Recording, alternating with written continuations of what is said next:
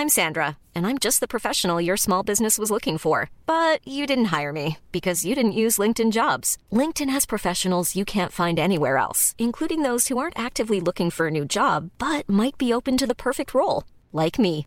In a given month, over 70% of LinkedIn users don't visit other leading job sites. So if you're not looking on LinkedIn, you'll miss out on great candidates like Sandra. Start hiring professionals like a professional. Post your free job on linkedin.com/people today. Hey, it's Ryan Reynolds, and I'm here with Keith, co star of my upcoming film, If, only in theaters, May 17th. Do you want to tell people the big news? All right, I'll do it. Sign up now and you'll get unlimited for $15 a month in six months of Paramount Plus Essential Plan on us. Mintmobile.com slash switch. Upfront payment of $45 equivalent to $15 per month. Unlimited over 40 gigabytes per month. Face lower speeds. Videos at 480p. Active Mint customers by 531.24 get six months of Paramount Plus Essential Plan. Auto renews after six months. Offer ends May 31st, 2024. Separate Paramount Plus registration required. Terms and conditions apply if rated PG. It's that time of the year. Your vacation is coming up. You can already hear the beach waves, feel the warm breeze, relax, and think about work. You really, really want it all to work out while you're away. Monday.com gives you and the team that peace of mind. When all work is on one platform and everyone's in sync, things just flow wherever you are. Tap the banner to go to Monday.com.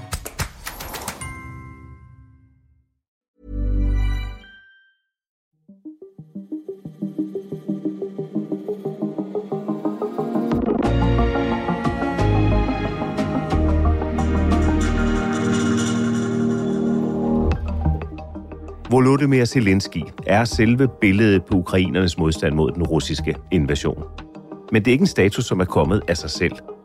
Dato på årsdagen for det russiske angreb er fortællingen om manden, der skifter jakkesættet ud med armigrøn og bjergtog den vestlige verden. Jeg hedder Thomas Bug Andersen.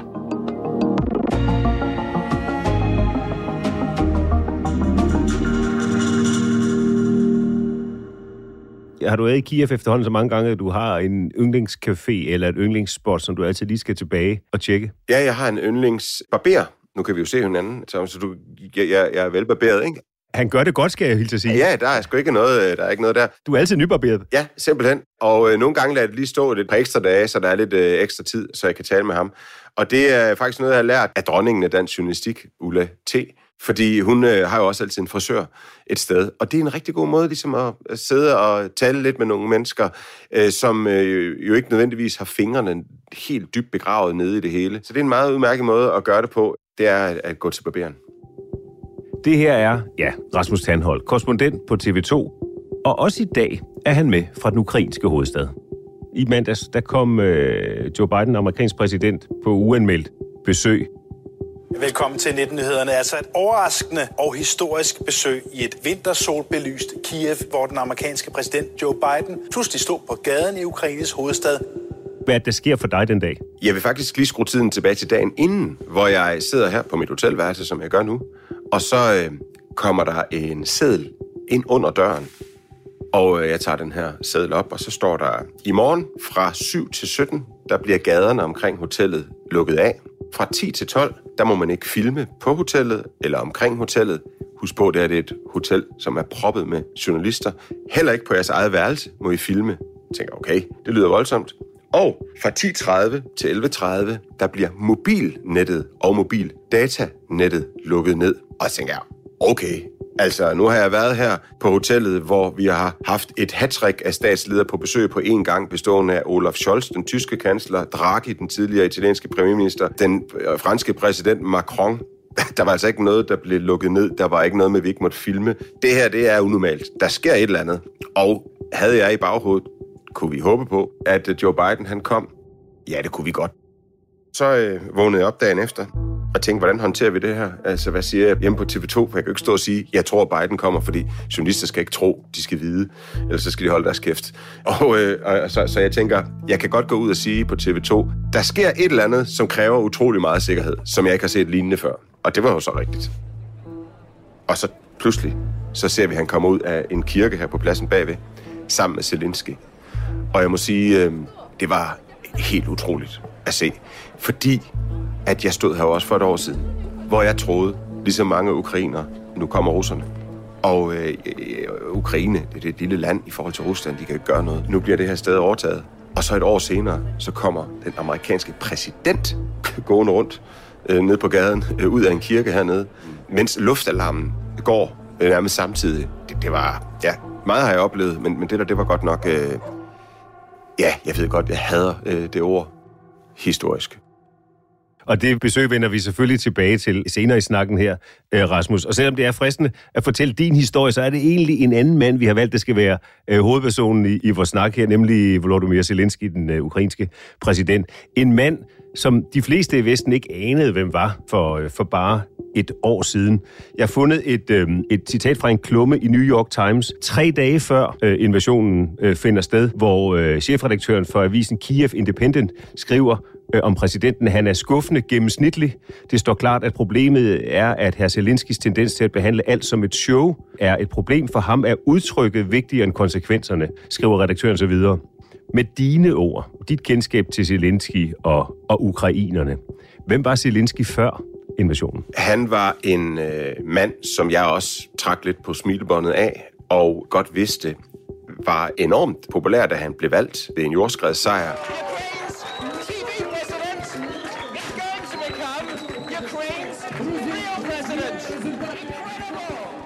Men jo ikke havde performet, altså havde ikke lavet op til ukrainernes øh, forventning.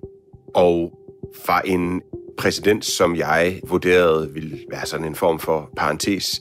Zelensky, en komiker, som var med i en, en tv-serie, øh, ja, øh, men, men jeg havde ikke ligesom New York Times set komme, at han skulle blive en mand, som hele verden øh, kalder den nye Churchill nærmest. Øh, det, det, det havde jeg simpelthen ikke set komme. Volodymyr Zelensky vækker for første gang for alvor international opsigt, da han som komiker og uden nogen politisk erfaring overraskende vælger at stille op til præsidentvalget i Ukraine i 2019. Modkandidaten var den siddende præsident, rigmanden Petro Poroshenko, der var voldsomt upopulær på grund af omfattende korruption. Zelensky ender med at vinde valget med 73 procent af stemmerne. Inden han blev valgt, havde han 4 millioner følgere på Instagram. Nu ved jeg ikke, hvor mange han har, men jeg tror, han har flere. Han var en øh, super populær komiker i øh, Ukraine, og en, en personlighed, som folk jo kendte til. Og øh, det har der helt sikkert været medvirkende til, at han blev valgt.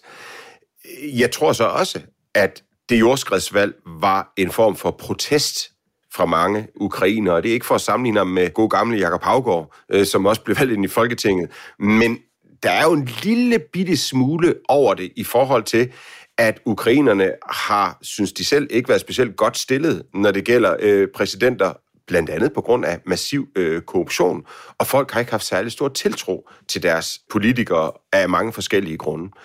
Og der kommer der så en person, som kommer fuldstændig ud af det blå, som jo ikke har nogen øh, tradition inden for øh, politik.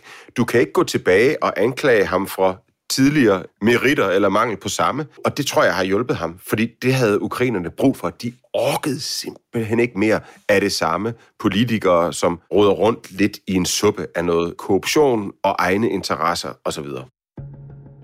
Men Zelensky lykkedes ikke i udpræget grad med at indfri sine valgløfter. Han finder ikke nogen fredelig løsning i Donbass-regionen i det østlige Ukraine, og det halter også med at bekæmpe korruptionen.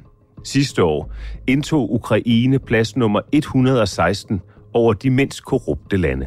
Og faktisk udtaler den amerikanske tænketank Wilson Center i 2021, altså to år efter Zelensky er blevet præsident, at han har tiltaget sig så meget magt, at det er i strid med god regeringsførelse og retssikkerheden. Med andre ord var Zelensky ikke sønderligt populær internationalt. Det ændrer sig med et fingerknips. Og særligt én video indvarsler skiftet.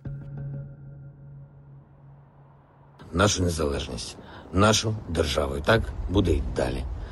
Слава нашим захисникам, слава нашим захисницям. Слава Україні! Слава Героям слава! Videoen øh, viser Zelensky, som simpelthen står og laver en selfie, filmer sig selv og øh, flere medlemmer af regeringen. Og de står i, i kakifarvet tøj. De er i krig. I baggrunden kan man se bygninger, som hvis man er fra Kiev, kan genkende, så folk kan se, yes, han er altså simpelthen inde i centrum af Kiev lige netop nu. Og det gør jo, at, øh, at folk i Kiev og i Ukraine tænker, okay, øh, vores regering er simpelthen fungerende. Det kan godt være, at vi er blevet invaderet, men øh, de er der og styrer landet. Det er signalet. Han bliver jo tilbudt den 24. februar af USA at blive evakueret. Og det er jo der, han kommer med det berømte øh, citat efterhånden. Jeg har ikke brug for et lift, jeg har brug for våben. Og det er jo fordi, at Zelensky gerne vil vise sit folk. Prøv at høre, jeg bliver ved roret. I skal ikke være bekymrede. Og hvis jeg ikke smutter, så er det ikke en grund til, at I smutter. Fordi øh, det er nok mig, Putin han er ude efter. Og det øh, er jo også blevet dokumenteret senere hen, at den her Wagner-gruppe jo havde til formål at gøre det af med Zelensky. Og Zelensky kunne vi jo forstå, da Biden var på besøg forleden, havde en telefonsamtale, hvor at Zelensky sagde direkte til Biden den 24. februar, det kan godt være, at det, det bliver vores sidste samtale. Fordi Zelensky vidste godt, der er en risiko for, at han bliver slået ihjel. Men han vælger at blive, og den video, han laver, hvor han står sammen med øh, nogle andre fra regeringen, det er jo for at vise folk i Ukraine, prøv at høre, det er nu, vi skal holde sammen. Jeg bliver, I skal blive og kæmpe, jeg bliver og kæmper mere. Og siden den dag har han jo lavet videoer hver eneste dag på sociale medier, for at vise primært, jeg er her stadigvæk, vi skal nok komme igennem det her. Øhm, og det bliver jo helt skældsættende for hele den her krig. Og du er faktisk i Kiev på det her tidspunkt, hvor videoen udkommer. Hvordan oplever du ukrainernes reaktion? Jeg oplever øh, ukrainernes reaktion som meget, meget positiv i forhold til øh, Zelensky. Jeg oplever, at lige præcis den video gør, at folk de får øh, troen på, at de øh, skal kæmpe og ikke flygte. Fordi det er klart, at hvis den her krig begynder med, at Zelensky enten flygter eller bliver slået ihjel, ja, så kan hele landet blive opløst i løbet af ingen tid. Og den opløsning går det jo op for folk, at den er ikke på vej. Han er der. Regeringen er der. Landet fungerer. Og øh, på den måde, så oplever jeg, øh, at det her er det første lille tegn for ukrainerne på noget håb og noget tro på, at Ukraine kan godt forblive med at være i Ukraine. Og det er der også mange, der er i tvivl om på det tidspunkt. Også mig.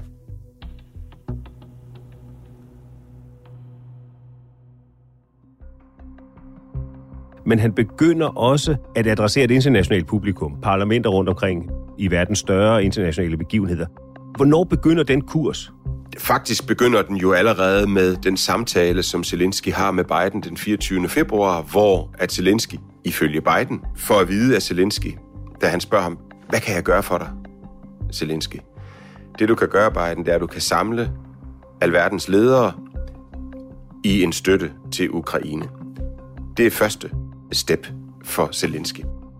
Næste step bliver jo så at rent faktisk selv gøre en indsats for at få folk rundt omkring i verden til også at yde konkret støtte, fordi det går hurtigt op for Zelensky, at uden den frie vestlige verdens hjælp, så har ukrainerne ikke en chance i den her krig. Øh, det kan godt være, at de kan slå de første mange angreb fra russerne tilbage de mange første måneder, men på et eller andet tidspunkt, så er det klart, at hvis du har flere mand, og du har mere artilleri, og du har flere kampvogne, så på et tidspunkt, så kan du ikke stå imod det. Og det ved Ukraine godt. Så det går han i gang med meget, meget hurtigt. Og det bliver jo en eller anden sted hans nærmest primære opgave som præsident. Det bliver jo at rende rundt med hatten i hånden til omverdenen og bede om hjælp. I have the high privilege and the distinct honor of presenting to you His Excellency Volodymyr Zelensky, President of the Ukraine.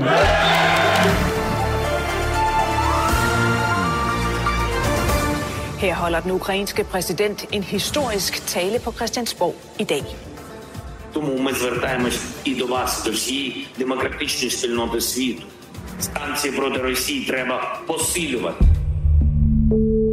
Når jeg tænker på det og kigger tilbage på det år, der er gået, så vil jeg så sige, at hans evner som øh, skuespiller, som performer, den øh, kommer ham jo til gode her. Og det interessante er jo, at øh, det produktionsselskab, der producerede den tv-serie Folkets Tjener, hvor han spillede en almindelig mand, der pludselig bliver præsident. Det er jo det produktionsselskab, og folk, der sidder der, de har jo også været en del af den her kampagne. Og det kan man virkelig tydeligt se. Det er vanvittigt dygtige mennesker. Det er mennesker, der er vant til at kommunikere. Altså, jeg tager også mig selv i, øh, når jeg øh, sidder og øh, scroller mit feed, og der kommer en eller anden video ud, hvor der er lagt noget musik på, at jeg sidder sådan og bliver lidt rørstrømsk. Fordi de ved præcis, hvad det er, de skal spille på, for at vinde den her propagandakrig. Ця війна, ця держава, Росія і її агресія. Slav Ukraini. Rusland er langsomt kommet ind i krigen på sociale medier, men de er fuldstændig skudt i sænk fra starten, synes jeg, af, øh, af, af Zelenskis hold. Øhm, og, øh, og det er det har virkelig været interessant at se. Og jeg har aldrig dækket en krig, hvor at det har haft så stor indflydelse. Aldrig nogensinde. I Vesten har der ikke været meget øh, kritik eller skepsis over for den måde at kommunikere på. Det har vi i godsøjne lappet i os. Hvordan forholder ukrainerne sig til det? Er de på samme måde øh, benovne og bare glade stolte over deres præsident, eller er der en opinion i, i Ukraine, som siger, ah, det er lige, det er lige øh, en, en tak for meget? Muligvis, men ikke nogen, jeg har mødt. Vi kan bare helt tørt kigge på meningsmålingerne. Det seneste viser, at 81 procent af ukrainerne bakker Zelensky op i det, han gør de er ekstremt, og jeg oplevede det med besøget fra Joe Biden, stolte over den her mand, som de føler har rejst sig fra at være en øh, mellemklasseleder til at være en verdensleder.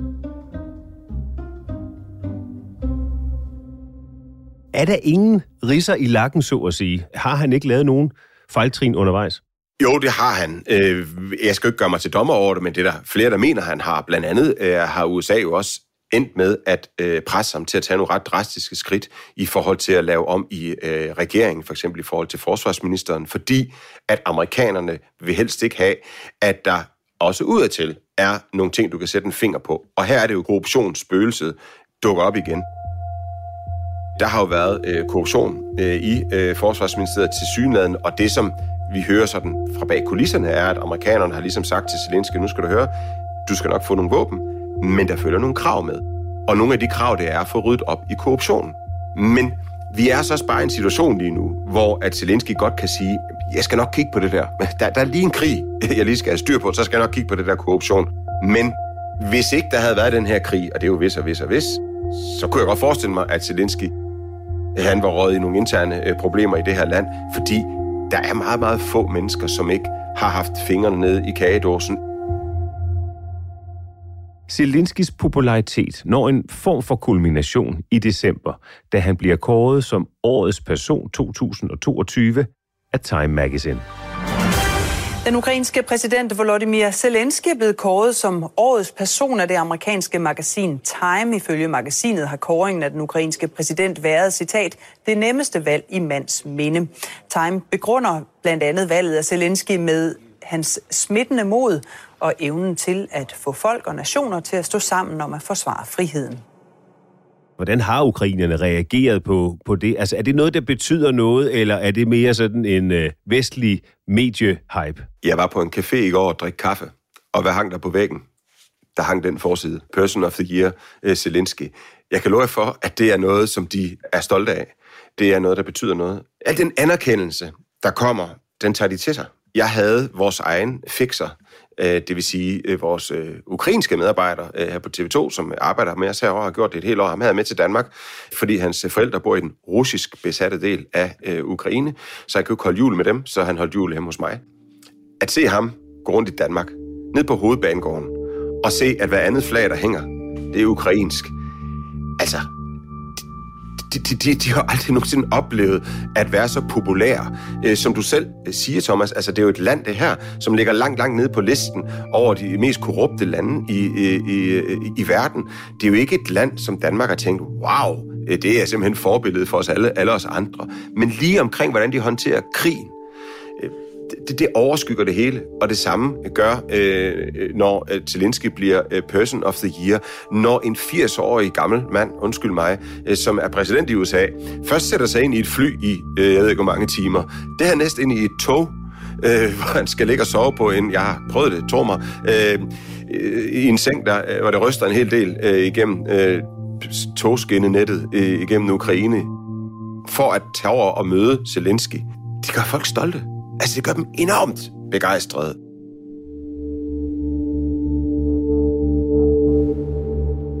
Og så er vi tilbage, hvor vi startede, nemlig der, hvor det for dig startede med en kuvert ind under hoteldøren. Øh, Joe Bidens besøg i Kiev forleden. Hvordan ser det ud? altså, da jeg øh, vågner og tænker, nu er det nu, der øh, kigger jeg ud af vinduet, og så kan jeg se, at øh, der er fuldstændig blæst for biler. Øhm, alt er øh, stoppet. Og øh, jeg øh, går ud på gaden, øh, taler lige med hotelmanageren, det har jeg gjort før, hvor han har sagt, ja, men Rasmus, det er, i dag er det Olaf Scholz, der kommer, den tyske kansler. Så jeg får nogle gode hints. Så siger jeg, hvad er Jum, som han hedder, hotelmanageren? Hvem er det, der kommer? Rasmus. Jeg ved lige så lidt som dig. Jeg aner det ikke. Og jeg tænker, okay, igen, så må det være Biden. Går op på mit værelse, der er lige en hundepatrulje inde på værelset, øh, som er i gang med at tjekke det.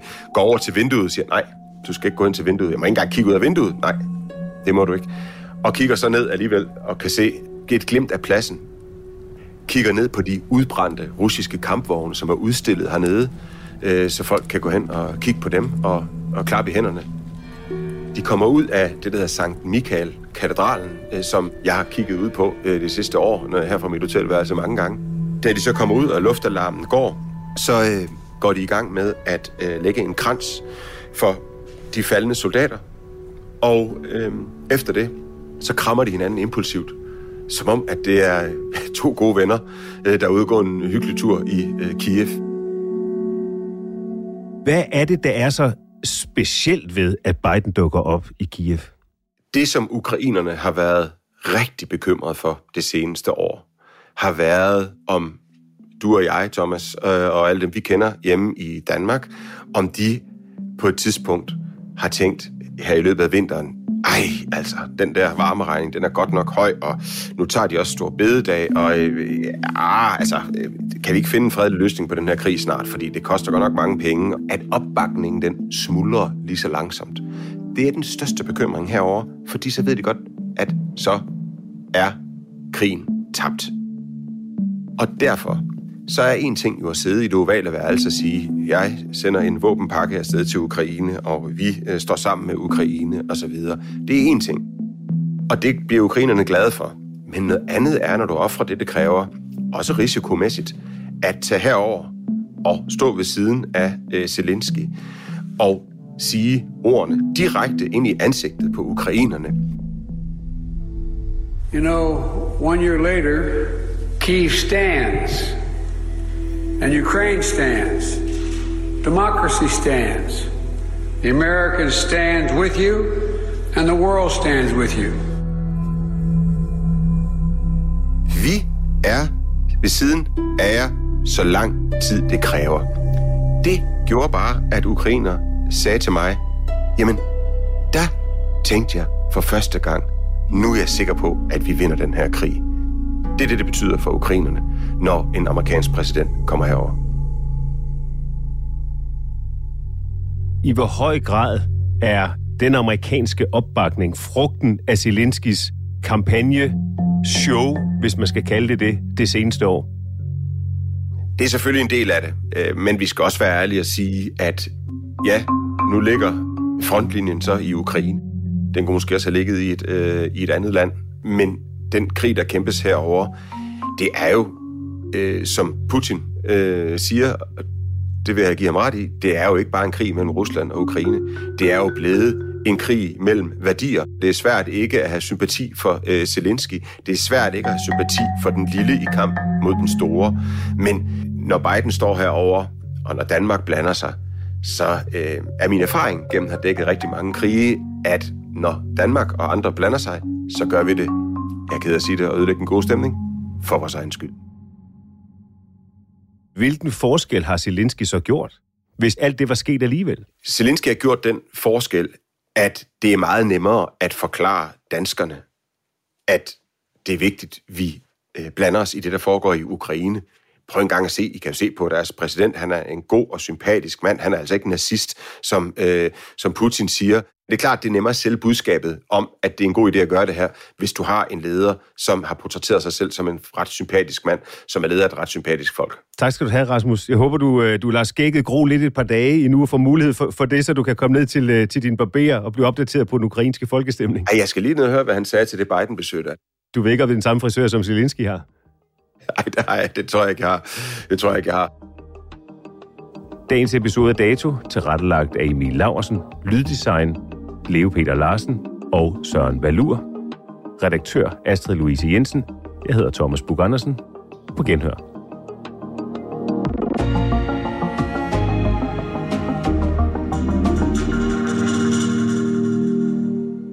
Du har lyttet til en podcast fra TV2.